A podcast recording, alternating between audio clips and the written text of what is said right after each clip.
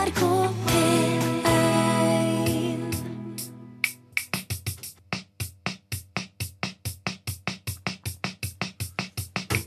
Lyden av rytmeboks er lyden av utakt, med godt humør på mandagskvelden ved Per Øystein Kvindesland og Bjørn Olav Skjæveland. Og Skjæveland har som vanlig ansvaret for å, å sette tonen i programmet, og forrige mandag så fikk du støtte fra uventa hold. Ja, for vi har jo begynt med den samme vitsen hvert eneste program nå i, i lang tid, eh, og vurderte er det nok nå. Så kom det en pensjonist opp eh, her på jobb og sa for all del, ikke slutt med den vitsen, den er så bra. Hattevitsen må leve videre. Ja, og da tenkte jeg kanskje det skal det, men er det bare sånn at eldre folk liker den vitsen? Så jeg tok meg en tur ut på gata for å snakke med ungdommen og høre om deres forhold til hattevitsen. Jo, hattevitsen er eneste vi ungdommer snakker om nå til dags. Eneste vitsen vi ler av. Nå kommer vinteren, og vi har ingen sommerhatt. Men hva skal vi med sommerhatt når vinteren kommer?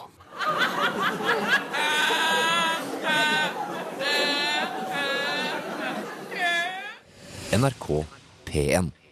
Utakt i NRK P1. Og vi starter i kveld med kalvetipping. Ja, for til helga så starter Eliteserien i fotball, og det å få dyr til å tippe resultat i idrettsarrangement, det er ikke uvanlig. Og, og vi har gjort det før, og vi gjør det igjen. Det begynte vel med tyskerne, dette her? Det begynte vel med blekkspruten Pål, eh, som tippte resultat i fotball-VM, faktisk med stort hell. Eh, Så har det jo gått videre til andre dyr. Vi har jo selv prøvd oss før. Vi begynte med esel. Det gikk sånn passe. I fjor prøvde vi med ei høne som skulle tippe resultat i Eliteserien. Det gikk bokstavelig talt den veien høna sparka. Petrine var ikke noe tippehøne i det hele tatt. Nei, det er klart at når du er såpass selvisk som dyr at du eh, tipper Hønefoss omtrent på toppen, så, så er det ikke mye verd eh, i de tipsa der. Nei, vi gikk for et nytt dyr. Vi gikk for kalven Benny. Og, måten vi skal gjøre det på i år, er at vi har 16 kunstige dyr stående ut forbi studio her. Inne, selvfølgelig. Eh, Så kommer kalven Benny inn og velger da et av disse 16 jura, og hvert jur representerer et lag i eh, Eliteserien. Og vi tar da topp tre. Der han begynner, nummer tre. Der han går på etterpå, nummer to. Og det juret han velger etterpå der igjen, det blir eh, vinneren av eh, Eliteserien i fotball. Hva kan vi si om Calvin Benny? Ja, jeg vet ikke. Hva vi kan si om Calvin Benny? Kalle Mella Nilsen, bonde og eier av Benny. Hva forutsetninger har Benny for å tippe fotballresultat? Jeg er ganske sikker på at eh, Benny klarer også denne biffen ganske bra. Han, eh, han er akkurat over to måneder. Det vil jeg si er en ideell alder for eh, fotballtipping. Han er tredje sønnen til godkua som heter Mia. Hun er jo faktisk kjent for å ha litt synske evner. Eh, jeg pleier å støtte meg på hun når jeg trenger innspill til ja, hvordan været blir, og hvordan vekstsesongen skal være. og ja, Hun rauter da når hun er enig, og så er hun, er hun stille da når hun er uenig. Ja, Som sønn av en uh, synsk ku så har han forutsetningene. Så vil jo mange tenke Benny, navnet Benny. eh, Kommer det av den legendariske vikingtreneren Benny Lennartson, og dermed har vi plutselig en kalv som er fotballinteresserte? Ja, det vil jeg si. Eh, Benny er jo en, eh, en helt for oss eh, fotballinteresserte her i Stavanger. Så han er nok litt farga der. Men når du får navnet Benny, så bør du ha peiling på fotball, så dette her tror jeg går bra. Hvor er Benny akkurat nå, Skjæveland? Eh, Benny er ute i varebilen eh, og, og venter, så nå skal vi sale opp disse 16 kunstige jura. Vi skal helle melk oppi, og vi skal gjøre eh, det lekkert, sånn at Benny kan komme og forsyne seg, og dermed bestemme resultatet i Eliteserien 2014. Og nå skal kalven Benny altså få lov til å tippe hvordan det går. Tippeligaen 2014. Ja, og måten Benny skal gjøre det på, det er at kalven har kommet inn i lokalene våre og skal bli presentert for 16 kunstige jur. Hvert eneste jur representerer et lag i tippeligaen, og, de han velger skal da bestemme plasseringa. Det er klart det er ikke lett for Benny, for Benny ble vekt. Det var mørkt i fjøset, og, Benny måtte opp og tippe, så han er litt urolig. Men nå sier vi klar, ferdig, gå. Vi heller melk oppi de kunstige jura, og bonde Kalle Mella Nilsen kommer nå med Benny eh, gående her. Litt motvillige, og klart det er litt glatt òg på eh, linoleumen for en som går på kløyver. Men eh, skal vi se her Ennå litt skeptiske til å nærme seg de kunstige jorda, men vi nærmer oss. Vi nærmer oss med en meter ifra. Det drypper god melk fra jordtappene, og han nærmer seg nummer én. Nummer, som ser, han går på Han går på den, ja. Nei, nei, han skifter. Han går over på Sarps... Innom Sarpsborg. Nei, ikke skikkelig. Lukter på Viking. Tilbake til Sarpsborg. Over på Nei, nå skifter han helt terreng. 11. Der, ja. Stabæk. Stabæk får bronse i eh, e- Eliteserien. Ifølge Calvin Benny. Ja, så blir Lillestrøm nummer to. Oh. Og nå mangler vi bare at Benny skal bestemme hvilket lag som kommer til å vinne hele sulamitten. Det blir Ja, det kan ikke bli Stabæk en gang til. Nå mangler vi bare ett lag, så har vi topp tre. Vi nærmer oss Er du ikke sulten mer? Vi går for å ta dråpene på gulvet, ja. Kom an, kom an, Benny. Vi mangler ett lag. Vi mangler topplag. Vi mangler topplag. Får bitte lite grann Å, nå stikker han. Nå stikker han, ja. hvor stikker han hen? Han stikker bort i studiovinduet og lukter på kaffen min. Og nå stikker han ut, og vi må ha kujag her nå. Og der er han på vei bort mot kantina. Vi får geleide han bort. Vi mangler ett lag, Benny, for å ha en komplett pall. Og her Der er vi på den, ja. Vi er der. Vi er på Haugesund. Vi er på Haugesund. Ifølge Benny så er det FK Haugesund som skal vinne hele eliteserien i fotball.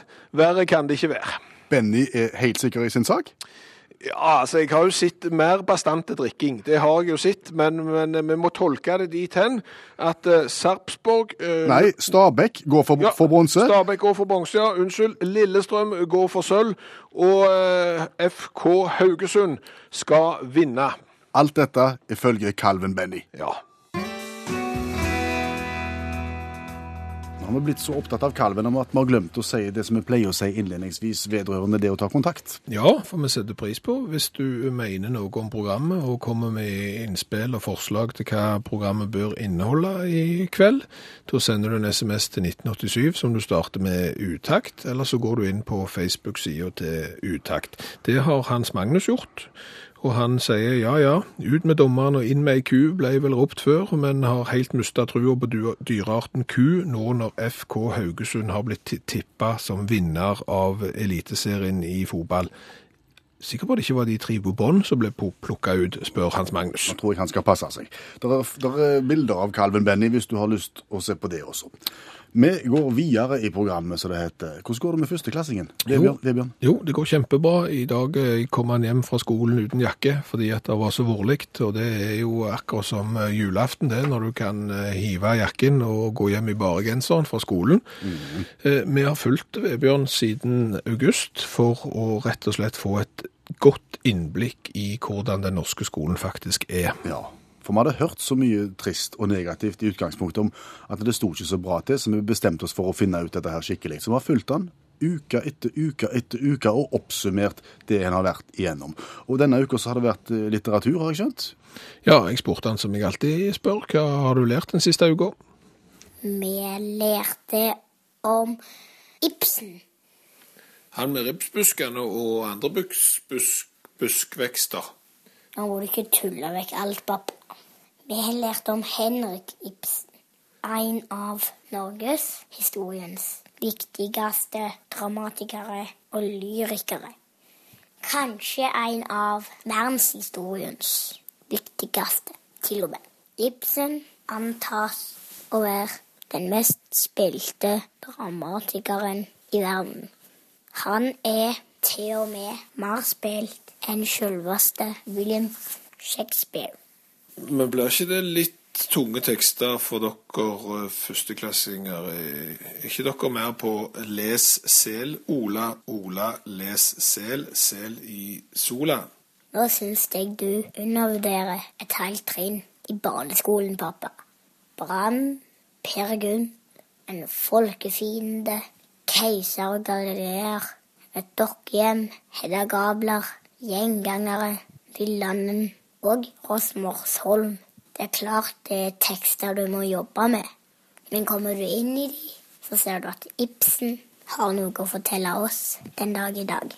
Så da mener du og de i klassen din at 100 år gamle skuespill er dagsaktuelle? I høyeste grad. Vi jobber litt med skillet mellom kulturarven Ibsen og den levende Ibsen.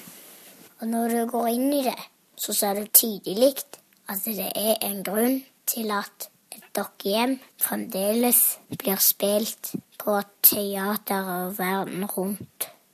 Det er nemlig ulike årsaker til at noe går. Det kan jo hende at hun var sugen på en sydentur med Gregers fra Villand, og at Terje Vigen rodde de til Gran Canaria. Istedenfor å tøyse med absolutt alt, kan du heller se det viktige temaet.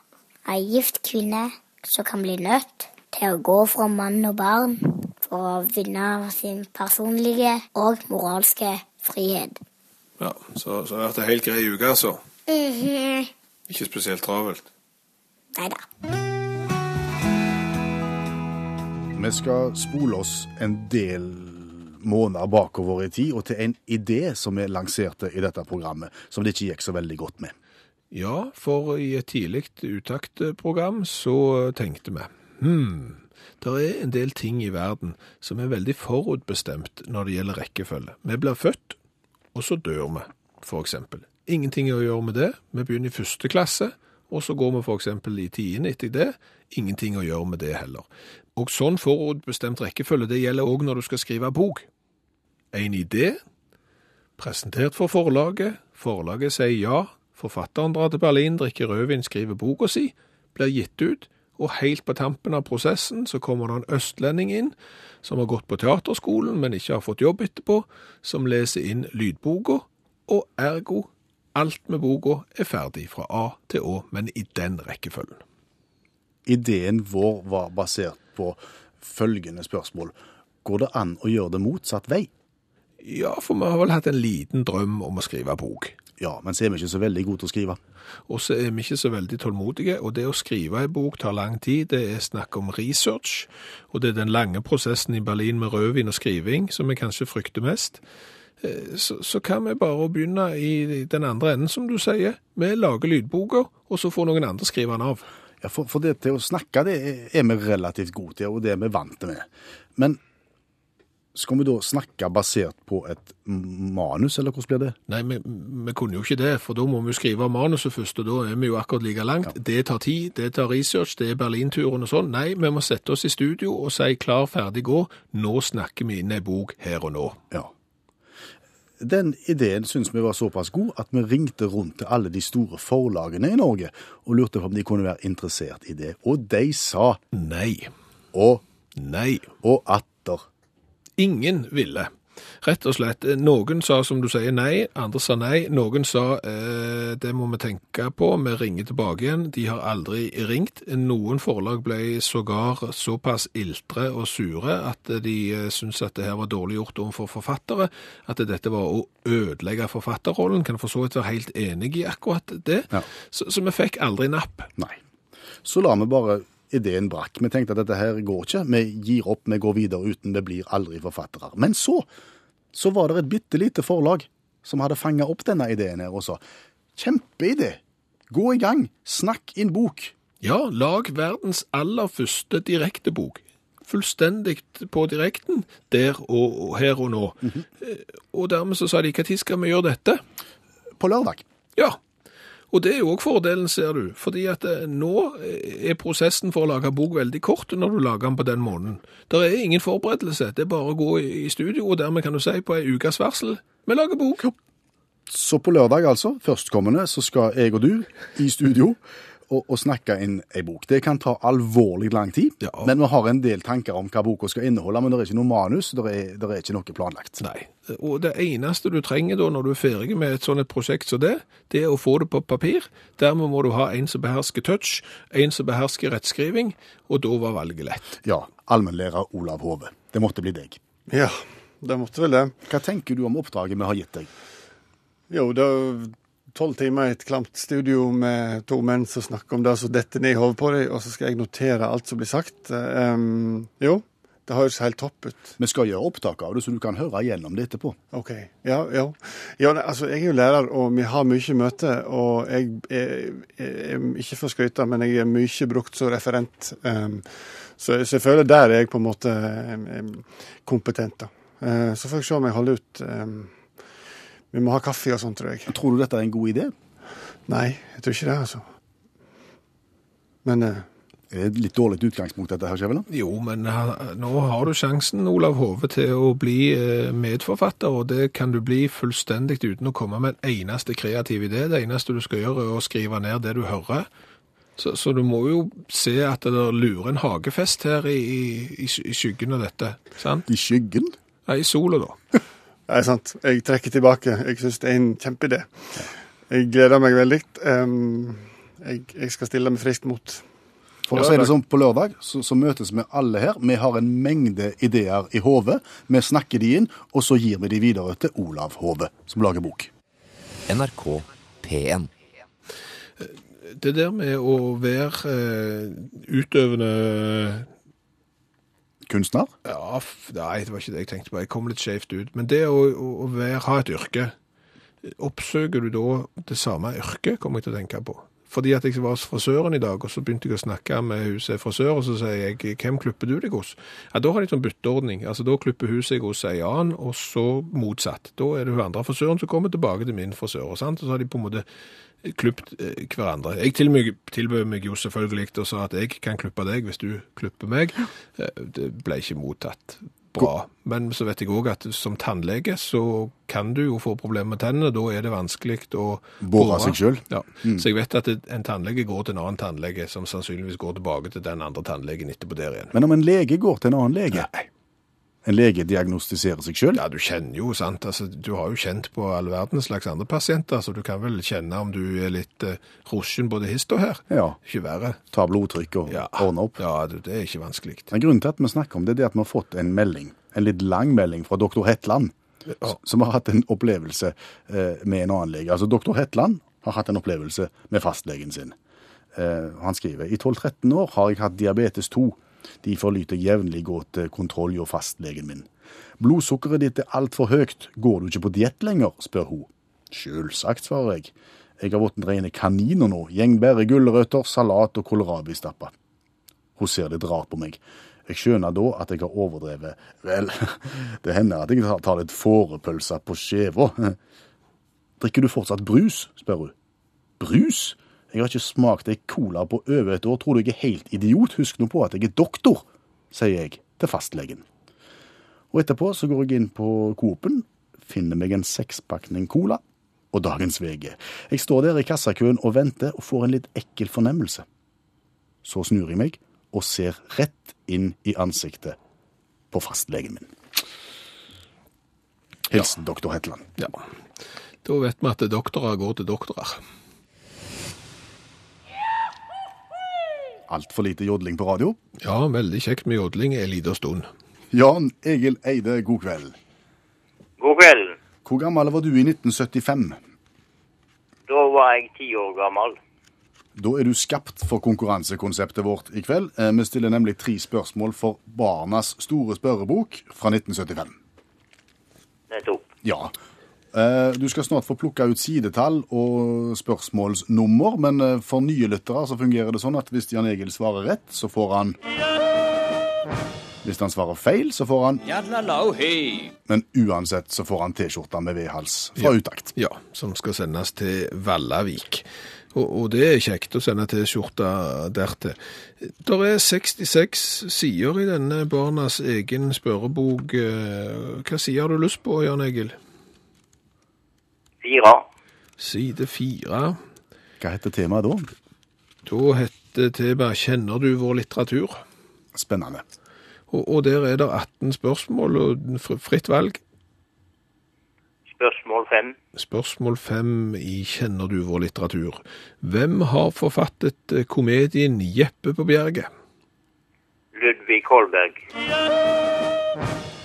1-0 til Vallavik, ingen problem. Ja, trengte ikke huske 1975 for å klare den. Har, har du sett eh, Jeppe på Bjerget? Bare på TV. Bare på TV. Så jeg er ikke helt sikker på hvorfor Jeppe drikker. Jeg har en mistanke. ok. Kan ha noe med kona å gjøre.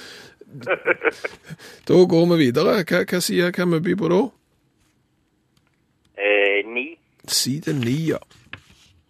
Da er vi på eh, musikk og sang. Skal vi prøve et spørsmål der?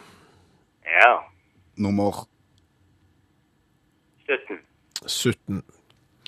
Fra hvilken operette er melodien 'Summertime'? Oi, oi. Summertime, and the living is easy. Eh, den er gammel. Da lyter du vel pinn meg eh, tilbake til, ja, 50-60-tallet. Ja, sikker. Jeg er ikke sikker, altså, men, for det står ikke i fasiten her, så jeg må bare lese det som står. Men uh, har vi noen idé om hva, hva operetten heter? Oi, oi, oi. Nei, akkurat dette er ikke min gata. Nei, jeg kan hjelpe deg med at det er George Gershwin som har skrevet den. Hjelper det? Nei, det var ikke mye. Nei. Da kom den. Ja. Porgy and Bess Ja visst. var det. Summertime fra Porgy and Bess. Dette skulle tiåringene i 1975 eh, kunne, Jan Egil. Ja, da måtte det være førsteklassingen din, da, da Ja. tilfelle. Ja, det må være det. da er vi på tredje og siste spørsmålet her. Det er bare å velge sidetall. Side 22. Side 22, da er vi på den eh, fiffige kategorien som heter aktuelt mer og mindre. I 1975. Ja. Og spørsmål nummer Eh, sju. Spørsmål nummer sju. Skal vi se. Hvilke problemer med fare for arbeidsløshet hadde fiskerinæringen i begynnelsen av 1975? Eh, oi. Altså, hvilke problemer med fare for arbeidsløshet hadde fiskerinæringen i begynnelsen av 1975? Kan det ha noe med at Sild hadde forsvunnet, eller? Jeg er ikke sikker, for jeg forstår ikke helt svaret, ser du. Men, men, men eh, jeg, jeg tror vi skal gjøre sånn på det. Nei, det var ikke deg, forresten. Det var jo det velkjente avsetningsproblemet. Nettopp. Eh, og det Det er er jo et ikke å kimse av Nei, det er jo et problem som arter seg på eh, på ulikt vis, Ja. Er det at du ikke får solgt det? vil jeg tro. Ja. Ja. OK, det er nesten det samme som at det ikke var sild, etter det vi har grunn til å tro. Ja, Men det var jo eh, allikevel bare kjekt, ja, Jan Egil, for da er det T-skjorte med vedhals på vei. Mot Vallavik. Den er good. Takk for at du var med oss. Ha en god kveld. Og Vi har de siste mandagene snakket om det å protestere på ulikt vis.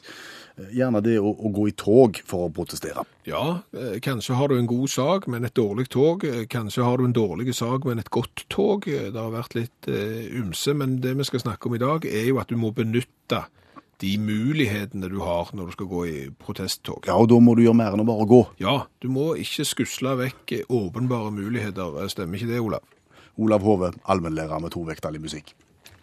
Ja, det er. Og klart eh, Det verste eksempelet er jo fra, eh, fra Calcutta i 2009, da eh, India hadde innført nye restriktive lover i forhold til det å tjene penger på ville dyr.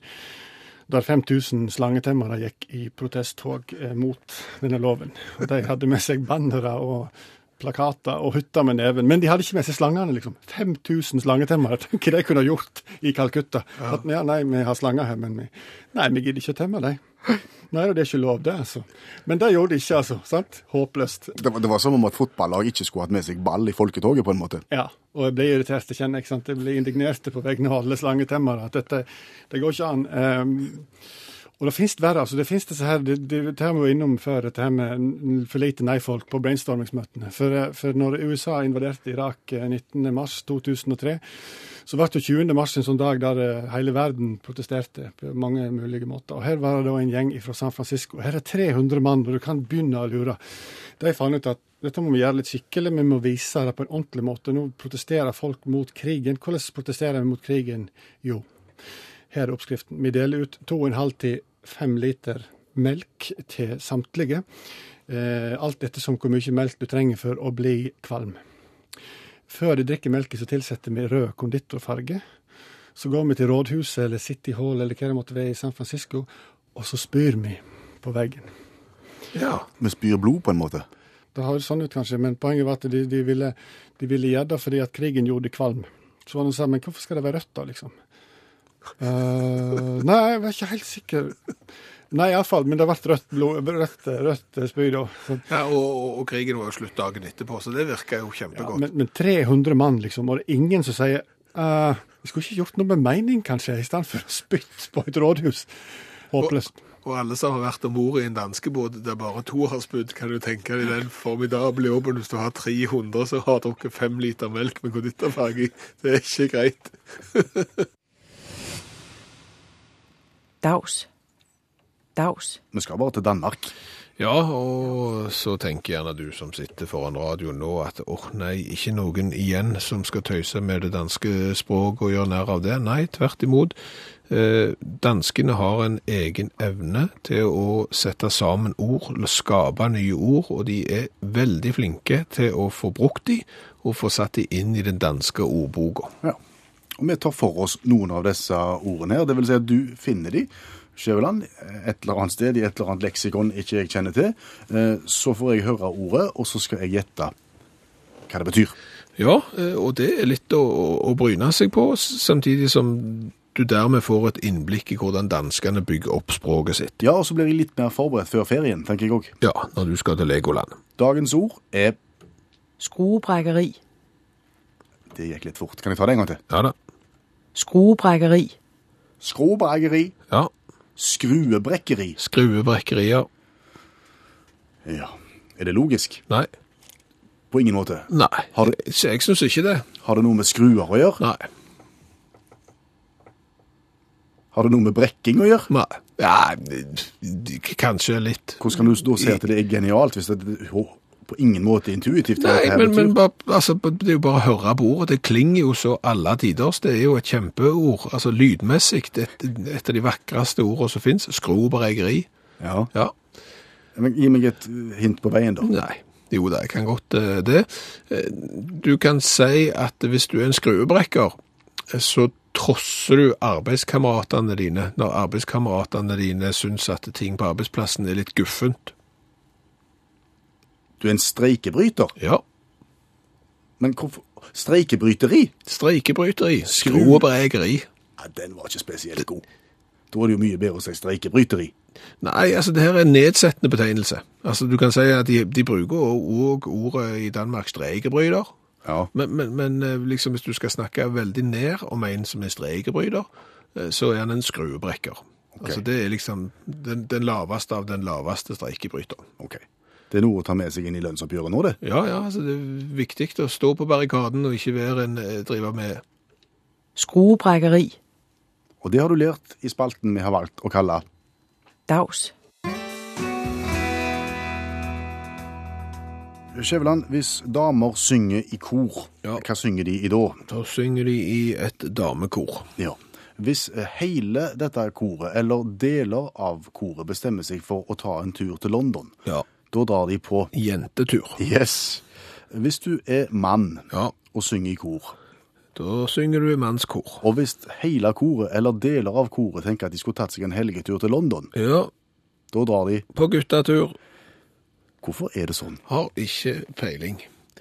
Altså, hva- For det første er det jo det der han er litt vrina i utgangspunktet, uavhengig av om du synger i kor eller reiser på tur. Hvor går skillet mellom gutt og mann, Ja. eh, jente og dame. Den er jo vrien. Fordi at du kan jo synge i kor, men er du ikke gammel nok, så synger du ikke damekor. Da synger du piketur, pikekor, men reiser gjerne ikke på jentetur. Nei. Men så er det et eller annet med at eh, en skal være dame når det sømmer seg, men når en skal være litt ellevill og gal og dra på shopping, så er det jente. Jo, men, men det henger ikke helt sammen, det resonnementet du kommer med der. Fordi at mannskor er ofte elleville. De kler seg gjerne ut i rare uniformer og, og sånn, og så går de Med medaljer. Ja, og så går de, og så møter de alltid opp på idrettsarrangement og, og synger gammel jegermarsj og sånn. Og, og det er ellevilt, men det er likevel mannskor. Eh, Så reiser de på tur, oppfører seg ellevilt på en litt annen måte kanskje, men da er det guttatur. Ja. Men det skjer et eller annet der. Ja. Det er aldri noen som drar på mannstur. Nei. Aldri skjedd. Eller dametur. Nei, det er knapt, Nei. tror jeg. Jeg vet egentlig ikke hva ingredienser som skulle vært med hvis du skulle dratt på mannstur. Det er sikkert fyrstekake og kaffe. Så derfor reiser de helst på guttetur, for da kan de gå på fotballkamp. Hvis partiet Høyre drar på tur, Hæ? da er det partitur. NRK P1. Åtte minutter over halv tolv er klokka utakt i NRK P1, og du skal nå få et boktips av allmennlærer Olav Hove. Det passet for så vidt greit, for vi har snakket bok med han tidligere i dag. Ja, vi har sluppet nyheten om at uh, meg og deg skal snakke inn uh, verdens første direktebok. Den skal bare leses uh, uten manus, Uh, og så etterpå så skal allmennlæreren med to vekttall i musikk og noen vekttall i norsk få lov å skrive av dette her. Ja, og så skal dette bli til en bok som skal ut til høsten etter planen. Men nå handler det om andre bøker. Allmennlæreren er opptatt av at vi skal lese, men han er òg opptatt av at vi skal lese noe annet enn det som alle andre leser. Ja, du trenger ikke lese Jo Nesbø nødvendigvis, og så litt Jo Nesbø før du går løs på Knausgård. Du må kunne tenke ut forbi boksen. Og Olav, hva er det det skal snakkes om i kveld? Skrev av Jeff Nichols, kommer tilbake til han, men den heter Mole Catching, altså muldvarpfanging. Og nå tenker sikkert mange ah, disse muldvarpbøkene de er så overfladiske, og det er så enkle løsninger, men ikke denne. Alle vet jo at Jeff Nichols han er en av de fremste innenfor muldvarpfanging, kanskje i verden. Og nøkkelen, folkens, jeg kan avsløre det før de kjøper den, det er respekt. altså Respekt for muldvarpen, for den er jækla lur, skjønner du. Okay. Ja, ja, snikker seg vekk og masse greier. Og her er det Jeff kommer inn i bildet og gir deg en grundig guide hvordan du skal fange muldvarp. Hvem, hvem er dette for? Det er for folk som skal fange muldvarper. Som sliter med, med muldvarp i dagliglivet? Ja, Ja. ja. det, ja, for det kan, ja, har du problemer med rotte eller sånt, må du ikke kjøpe den for en helt annen type fang, fangstmetode. Ikke, har ikke så mye respekt for rotte heller. Så denne går bokstavelig talt i dybden. Det gjør den. Drøm, Skjæveland. Drøm. Ja, Drøm søtt. ja. Drøm surt. Ja, eller husk drømmen din, eller husk den ikke. Eh, Fordi at det, det er jo ofte sånn at eh, når du har en drøm, så tenker du det var jo en alle tiders drøm, og, og så våkner du midt på natta, og så liksom oi, det, det var alle tiders, ja, som sagt. Så tar du f.eks. gjerne en tur på porselenet, og så går du tilbake igjen eh, for å legge deg igjen. Så sovner du, og så kunne du godt tenkt deg å fortsatt den drømmen, for hun var jo såpass artig, hun du traff der, og i det hele tatt. Så den historien kunne godt ha fortsatt, men det gjør han ikke. Aldri skjer det. Nei, det gjør ikke det. Og forskning.no har eh, publisert en liten artikkel om hvem som er i stand til å huske drømmene sine. Ja, husker ble vel noe annet enn akkurat det. Jo, fortsette er nå en ting, men bare det å huske, og, og jeg var inne på det som er stikkordet her, ser du, nemlig å være vågen. Fordi at det, de som husker drømmene sine, de, har, de er nødt til å våkne for å huske dem.